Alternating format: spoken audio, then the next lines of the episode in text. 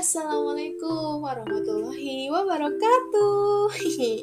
Baik lagi sama aku Anusyada Azahra di podcast Nasya Rimaka. Yeay.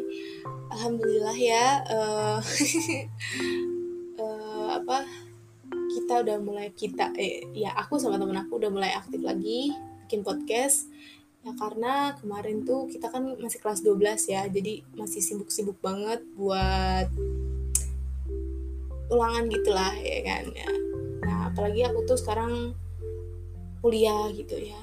Dan dia tuh sekarang kerja gitu. Jadi um, sibuk lah gitu ya. Tapi insya Allah ke depannya kalau misalnya aku sama dia lagi ada waktu luang, kita bakal bikin podcast gitu. Oke, okay, kali ini podcast uh, aku ya, podcast podcast aku tuh kita bakal bercerita, ya, menceritakan kisah seseorang gitu ya. Jadi kali ini bukan tentang mafludat atau kata-kata mutiara gitu ya, tapi kisah seseorang. Kita akan menceritakan kisah seseorang yang diambil dari Instagram ya kita sebut uh, inisialnya saja si perempuan ini berinisialkan A. Ya. Dia ingin ber, uh, berbagi kisah hijrahnya dia kepada kita saya dan teman saya ini si Aisyah. Cuman emang di sini aku yang bakal ceritain kisahnya dia ini. Oke. Jadi kita sebut uh, si perempuan ini berinisial kan A oke okay. jadi si cewek A ini awal hijrahnya adalah karena dia tertarik pada seseorang laki-laki yang soleh ya yeah. si cewek A ini dia ini apa awalnya nggak begitu memperdalami banget soal agama dia bahkan dia nggak berkerudung gitu dia tidak berhijab gitu ya. Bukan hijab berkerudung ya berjilbab. Nah dia itu tidak berjilbab. Dan awal hijrahnya juga itu diawali ketika dia umur 12 tahun gitu. Dan dia baru berhijab itu umur 13 tahun lah. Hmm. jadi selama 12 tahun itu dia tidak berhijab gitu karena memang dia baru tahu dalil tentang berjilbab itu ketika umur dia 13 tahun masuk rohis gitu. Karena si laki-laki ini juga gitu ya kan? Jadi gini ceritanya. Awalnya dia ini uh, menyukai seseorang gitu ya. Walaupun emang sebenarnya dia tuh udah suka sama pelajaran kalau di sekolahnya tuh pendidikan agama Islam ya dia udah suka banget sama pelajaran pendidikan agama Islam. Tapi dia itu kayak kayak apa gimana ya? Kayak tidak memperdalami banget gitu ya. Jadi cuma sekedar suka aja gitu. Kalau udah pelajaran pendidikan agama Islam wah dia semangat gitu belajarnya dan kalau pendidikan agama Islam waktu SD itu kan kayak lebih banyak tentang sejarah kan. Nah jadi dia lebih suka sejarahnya gitu. Sejarah-sejarah Islamnya. Nah karena memang dia awalnya tuh udah suka tentang sejarah gitu ya dan dia suka sama cowok yang soleh akhirnya dia memutuskan untuk berhijrah. Di saat kapan? Di saat dia mau masuk SMP sebenarnya. Niatnya dia untuk berhijrah itu ketika dia mau masuk SMP jadi masih umur 12 tahun juga gitu. Nah di saat umur 12 tahun itu dia tuh udah berencana buat uh, masuk di sebuah sekolah yang ada ekstrakurikulernya rohani Islam yaitu rohis atau rohis gitu ya dia udah niat nih dia pengen masuk rohis dia pengen ikut bela diri dia pengen ikut ini pengen ikut itu. Wah udah niat banget ya kan? Nah karena dia awal hijrahnya tuh karena si cowok itu gitu ya kan? Dia cari tahu tentang cowok itu ya kan? Kalau kita suka sama orang tuh pasti kan kita cari tahu kan tentang si orang itu ya kan? Iya lah masa enggak ya? Ya walaupun masih cinta monyet gitu pasti kita cari tahu ya ulang tahunnya dia kayak apa dia kayak gimana di sosmed ya kan? Nah terus temennya siapa aja gitu ya kan?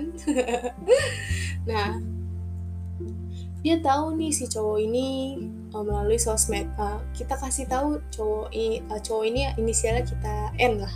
Ya berinisial kan N cowok ini. Nah si cewek A ini mencari tahu si cowok N ini melalui Facebook situsnya Facebooknya dia dia tahu kalau cowok N ini tuh soleh banget gitu dari postingannya gitu kan. Postingan Facebooknya gitu. Dia suka memposting kata-kata mutiara Islam suka men-share-share video Islam gitu kan. Tapi dia nggak tahu nih si cowok ini tuh ikutan apa aja sih di sekolahnya tuh ngapain aja gitu. Dia nggak tahu. Walaupun emang karena kan tetangga ya dia jadi si cowok N dan cewek A ini adalah tetangga gitu. Dia tuh suka karena tetanggaan gitu sih. Jadi ya tau lah mungkin ya kesehariannya. Karena emang siapa sih yang cewek yang nggak kagum sama cowok yang soleh gitu ya kan?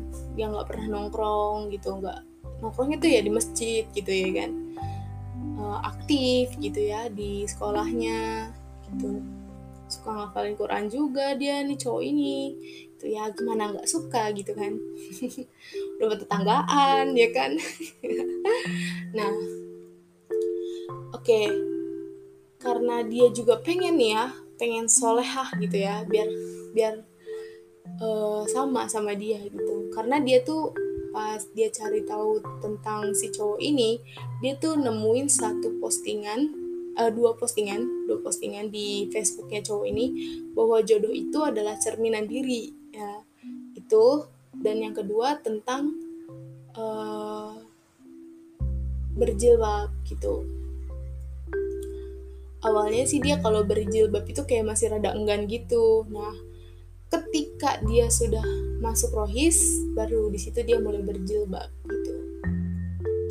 Ya oke lanjut. Jadi uh, dia suka nih sama si cowok ini sampai ya hijrahnya tuh ya karena dia ini awalnya gitu ya. Dan akhirnya dia masuk SMP ternyata dia masuk satu uh, masuk SMP yang sama sama si cowok N ini gitu. Satu sekolah gitu sama si cowok N ini. Karena memang pe, apa bedanya tuh dua tahun gitu. Jadi dia masuk si cowok N ini oh, udah kelas 3 SMP gitu ya kan? Kelas 9 gitu. Ya nah jadi uh, dia masuk karena dia nggak tahu ya kan? Dia nggak tahu nih si cowok ini tuh ikutan ekstrakurikuler apa aja. Nah pas ketika dia masuk rohis ternyata memang satu eskul juga gitu. Satu eskul di rohis satu eskul di bela diri juga gitu. Ya di situ kayak dia gimana sih rasanya ya kan? Satu eskul sama cowok yang kita suka. Seneng banget ya gak sih seneng plus kayak semakin semangat ya nggak sih belajar ilmu agamanya tuh kayak makin semangat. Pokoknya pokoknya makin semangat gitu kan. Nah akhirnya dia mempelajari ilmu agamanya itu melalui rohis gitu kan.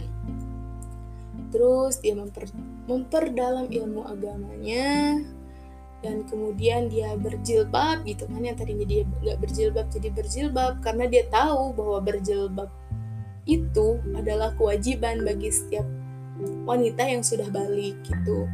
Seperti yang dijelaskan kan ada dalam Al-Quran surat Al-Hazab ayat 59 yang bunyinya ya ayyuhan nabi qul li azwajika wa banatika wa nisa'il mu'minina yudnina alaihinna min jalabihinna dzalika adna ayyu rafna fala yu'zaina wa kana Allahu ghafurur rahim yang artinya wahai nabi katakanlah kepada istri-istrimu, anak-anak perempuanmu, dan istri-istri orang mukmin. Hendaklah mereka menutupkan jilbabnya ke seluruh tubuh mereka yang demikian itu agar mereka lebih mudah dikenali sehingga mereka tidak diganggu. Dan Allah Maha Pengampun Maha Penyayang. dari sini dia akhirnya pun memutuskan untuk berjilbab. Ya pastinya kalau orang berhijrah itu yang awalnya dia nggak berjilbab pastinya dia bakal berjilbab. Dan dia harus tahu gitu dalil ini karena itu adalah kewajiban bagi setiap muslimah yang sudah balik.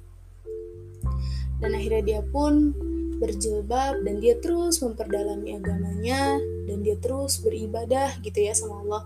Karena arahan-arahan dari sang pembina rohis ini gitu kata-kata uh, mutiara dari kakak-kakak mentor rohisnya juga gitu ya. Terus semakin hari semakin dia bersemangat gitu ya kan. Dan sampai satu titik di mana dia akhirnya meluruskan niat hijrahnya karena Allah Subhanahu wa taala. Bukan karena si cowok ini lagi gitu ya. Bukan sih karena cowok ya memang ya hidayah Allah tuh bisa melalui siapa aja gitu ya. Bisa melalui orang yang kita suka gitu kan. Bisa melalui sahabat kita atau guru-guru kita gitu kan. Hidayah Allah itu bisa datang dari mana aja gitu akhirnya di situ dia terus memperdalami agamanya dan dia kayak gimana ya karena memang dia awalnya suka sama si cowok ini jadi uh, dia sukanya dalam diam gitu gitu ya kan. Jadi akhirnya dia dalam diam gitu yang yang tadinya niatnya ingin mengungkapkan gitu tapi dia dalam diam. Niatnya tuh emang biar kelihatan gitu ya kelihatan sama dia gitu kalau dia tuh juga pantas buat si cowok ini gitu ya kan. Akhirnya dia nggak jadi gitu. Akhirnya di sini dia kayak lebih mendekatkan diri dia kepada Allah aja tapi memang kita nggak bisa dipungkiri walaupun kita udah taat sama Allah kita pasti ada namanya rasa suka. Nah rasa suka yang Allah berikan itu rasa fitrah gitu ya. Ada setiap manusia tentunya perja lanjut ya tentunya perjalanan hijrahnya dia tuh dan atau perjalanannya dia untuk istiqomah tuh gak gampang banget. Si, si cewek A ini banyak buat rintangannya. Dari yang dia dilarang ya kan? Dilar apa dilarang pakai kerudung tuh sama orang-orang di sekitarnya. Dan dia berjuang harus tetap pakai kerudung pokoknya. Gimana pun akhirnya di situ uh, apa orang-orang di sekitarnya mulai mengerti itu dan dia terus memperdalami agamanya. Dan tentunya rasa sukanya itu pun kayak kepada si cowok N ini tuh kayak mulai hilang. Karena si cowok N ini udah lulus gitu. Gitu. Ya pokoknya yang namanya rasa suka itu kan kayak ya bebas gitu. Jadi kita kadang sendiri nggak bisa nentuin kita mau suka sama siapa gitu kan. Nah lanjut jadi dia terus memperdalami agamanya dan tentunya banyak banget rintangan yang dihadapi dari itu tadi dilarang dia dilarang sama orang-orang sekitarnya buat berhijab akhirnya orang-orang yang ngerti dan terus dia memperdalami agamanya. Dia memfokuskan dirinya untuk mencari prestasi gitu ya kan nah sampai suatu ketika uh, dia masuk. Akhirnya dia memutuskan untuk sekolah SMA SMA tapi di pesantren gitu. Jadi SMA sambil pesantren gitu. Akhirnya dia memutuskan untuk mondok SMA-nya tiga tahun. Ya.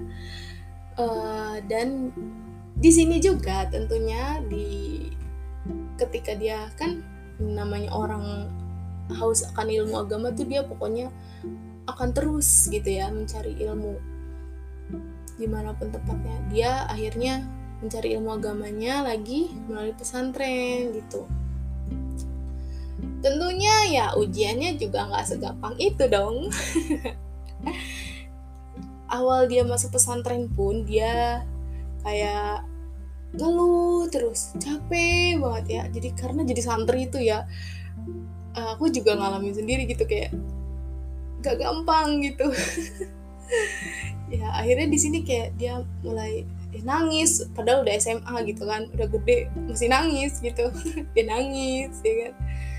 Tapi lama-lama terbiasa gitu. Akhirnya dia terus ya tentunya namanya orang ujian untuk berhijrah tuh pasti ada namanya rasa suka gitu ya.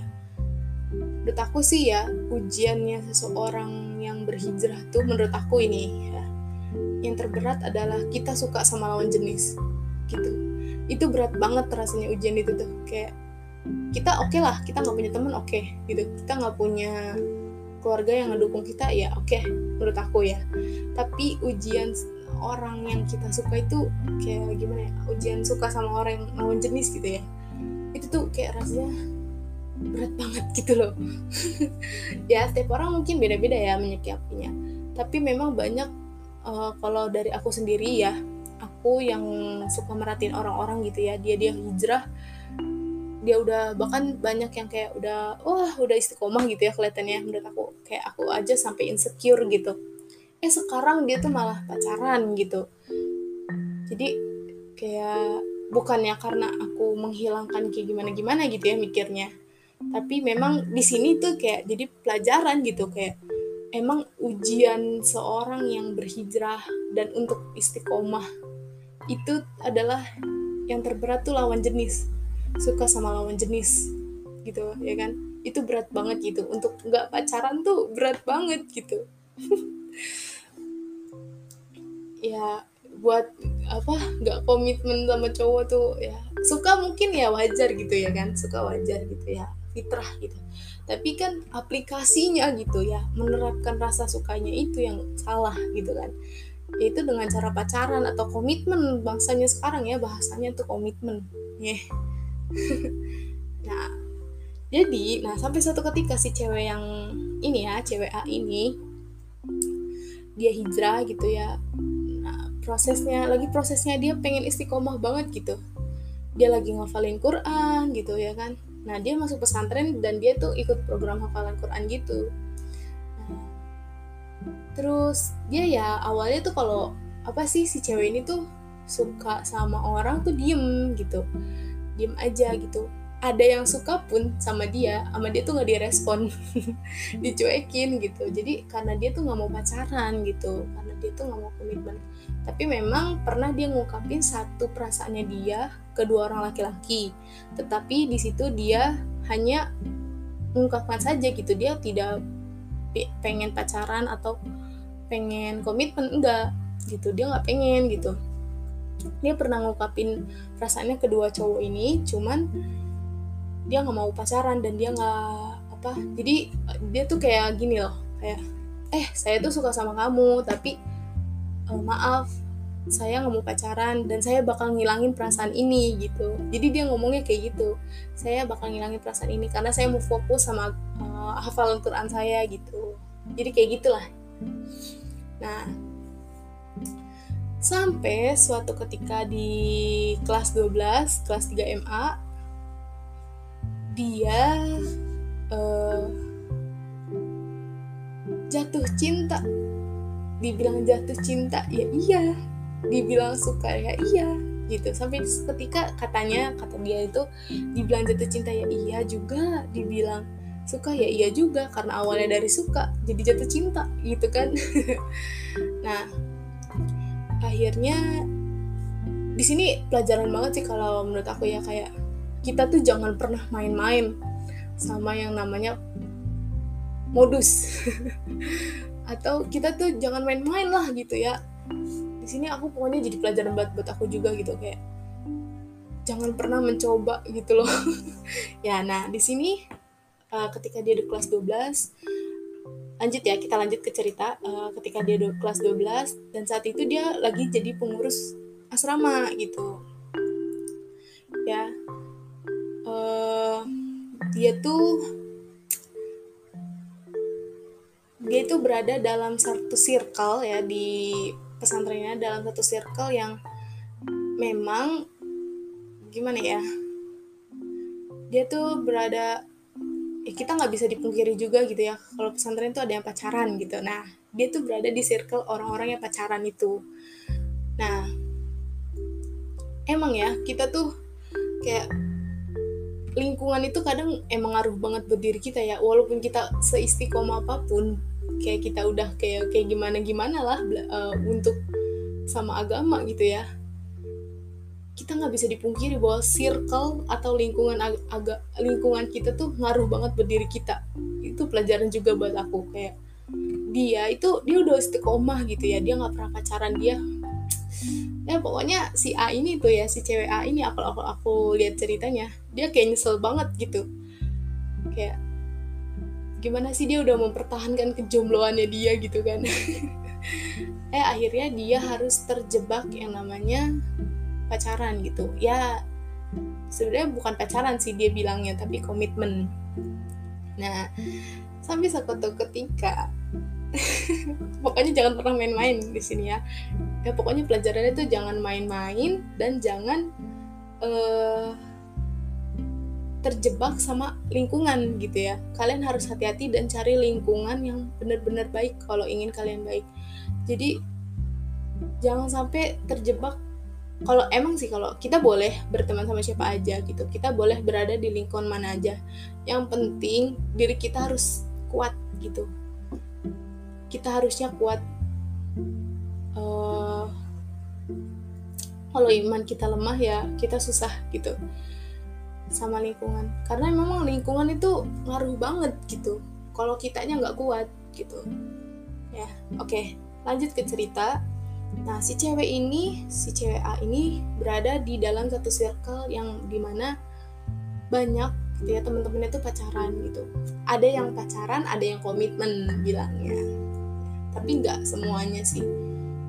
Ada satu sih juga yang nggak pacaran tapi pernah pacaran. Dia lagi nggak pacaran tapi pernah pacaran gitu ya. Gimana sih gitu ya kan? ya pokoknya rata-ratanya tuh pacaran dan komitmen gitu. Dia berada dalam satu circle itu. Gitu di situ kayak kayak gimana ya gimana sih gitu ya berada satu lingkungan yang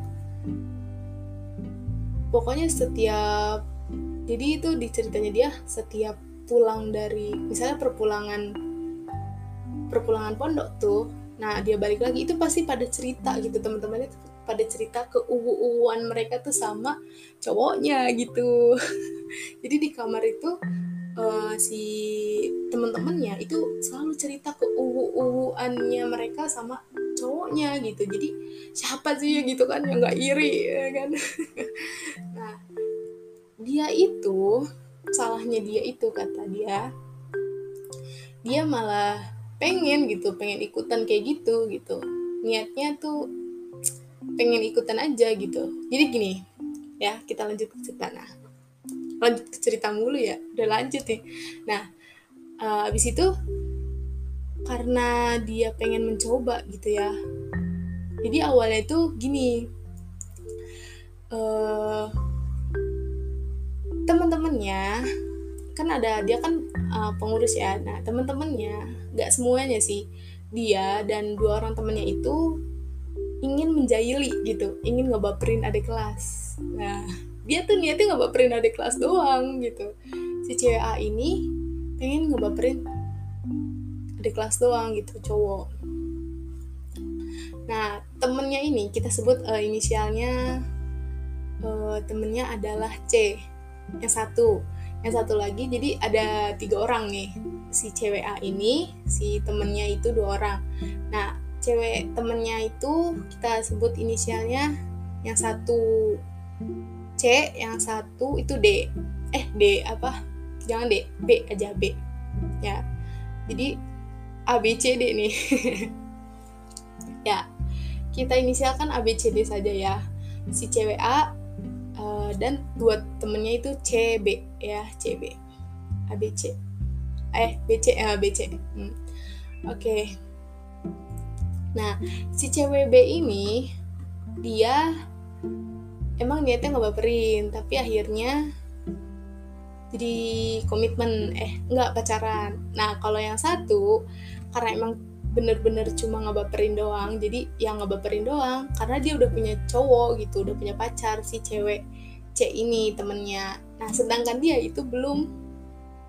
Kalau dia ini si cewek A ini itu emang cuma bener-bener niat ngebaperin doang. Cuma main-main doang. Dan dia ini si cewek A ini dia tuh dia bilang dia tuh jago banget bikin puisi gitu. Apalagi ngebaperin puisinya tuh bikin baper gitu. Dia bisa di dia ceritanya aku. Nah sampai suatu ketika pokoknya dia ngebaperin si cewek A ini ngebaperin adik kelas ya. Ya ngebaperin ngebaperin gitu ya dengan dua orang temannya ini. Nah yang satu si cewek B ini nggak jadi nggak jadi karena memang dia udah punya pacar jadi nggak jadi ngebaperinnya ya, udah berhenti gitu ya. Nah sedangkan si cewek yang C ini emang niatnya nggak ngebaperin sih cuma pengen jadian gitu. Akhirnya jadian lah. Nah sedangkan si cewek A ini si dia ini cewek A ini dia itu emang awalnya niatnya ngebaperin ya. Agak lucu juga sih. Niatnya tuh ngebaperin gitu. Uh, ngebaperin yang berapa hari gitu ya cetan tuh eh bukan cetan surat-suratan. Nah di pondok tuh kan surat-suratan gitu ya uh, terkenal ya. Dia surat-suratan tuh berapa hari? Aku juga agak lucu gitu loh. Akhirnya. Aduh aku agak lucu kok dengar ceritanya. Nah pokoknya kalian tuh jangan main-main gitu loh. Kalau ini tuh kayak jangan pernah bermain-main dengan ngebaperin kata ngebaperin awas hati-hati. Kalian malah baper balik gitu loh. Ya hati-hati pokoknya. Nah aduh bodoh pokoknya ini cewek tuh bodoh sekali. Aduh aku juga agak ketawa gitu kan. Nah si cewek A ini ya si dia ini cewek A ini dia nggak baperin dari kelas. Berapa hari itu ya? Setelah berapa hari eh dia denger. Dia tahu. Dia denger uh, ada desas-desus gitu ya di pondoknya. Kalau si cowok yang dia baperin ini adik kelas yang dia baperin ini ternyata juga lagi deket sama cewek lain gitu. Sama adik kelasnya dia juga gitu si cewek A ini. Jadi uh, si cowok uh, apa? Kayak cinta segitiga gitu loh. Jadi si cewek A ini lagi deketin adik kelas ngebaperin adik kelas ini si cowok ini dan si cowok ini juga ternyata lagi deket sama adik kelas juga cewek uh, kelas 2 MTS ya. Kelas 2 SMP gitu. Nah si cowok ini satu SMA gitu. Nah dan si cewek ini kelas 3 SMA gitu. Ya namanya kan kalau satu pondok itu kan jadi SMP SMA tuh jadi satu gitu kan. Nah kita sebut aja si cowok kita uh, cewek ini ya. Nah si cowok cowok ini kita inisialkan hmm, S lah ya S. Dan si cowok eh si cewek adik kelasnya ini itu kita inisialkan uh, N. Eh N. Iya N. Kita inisialkan cewek N. Nah dia tahu nih si cewek A ini tuh si cowok apa si cowok S ini tuh lagi deket juga sama cewek N gitu ya di kelas N tuh cewek N akhirnya dia berpikir. Di situ dia berpikir uh, dia berpikir aduh nih gue ngelanjutin apa enggak gitu ya? Gue ngelanjutin ngebaperin dia apa enggak nih? Eh iya ngelanjutin dia apa enggak nih? Aduh gue gua gua ngungkapin perasaan gue nggak ya? gitu. Tapi ntar kalau gue ngungkapin perasaan gue gue dosa. Gue pacaran dong namanya tapi kalau gak gue ungkapin perasaannya gue tinggalin gitu aja kasihan udah kebaperan sama gue aduh aduh gue ngakak sumpah. Aduh saya ngakak banget sumpah. Dia malah mikirnya gitu. Aneh gak sih? Kayak ih gila gitu kan. Ada kok orang mikir kayak gitu. Akhirnya dia kayak mikir pokoknya di situ si cewek A itu mikir gitu kan mikir mikir mikir mikir mikir. Kayak mikir aduh gue lanjutin gak ya? Kalau gue lanjutin gue dosa tapi nggak gue lanjutin kasihan anaknya udah kebaperan gitu. Akhirnya dia mutusin apa? Lanjutin. Lanjutin. Dan dia yaudahlah kayak mikir gini yaudahlah gue lanjutin gue terima resikonya. Lagian gue ngejomblo terus bosen. Hidup gue gak ada warnanya kalau gue ngejomblo terus ada ya orang mikir gitu. Aduh aku kayak ya ampun. Aduh ya Allah. Akhirnya ya udah di situ dia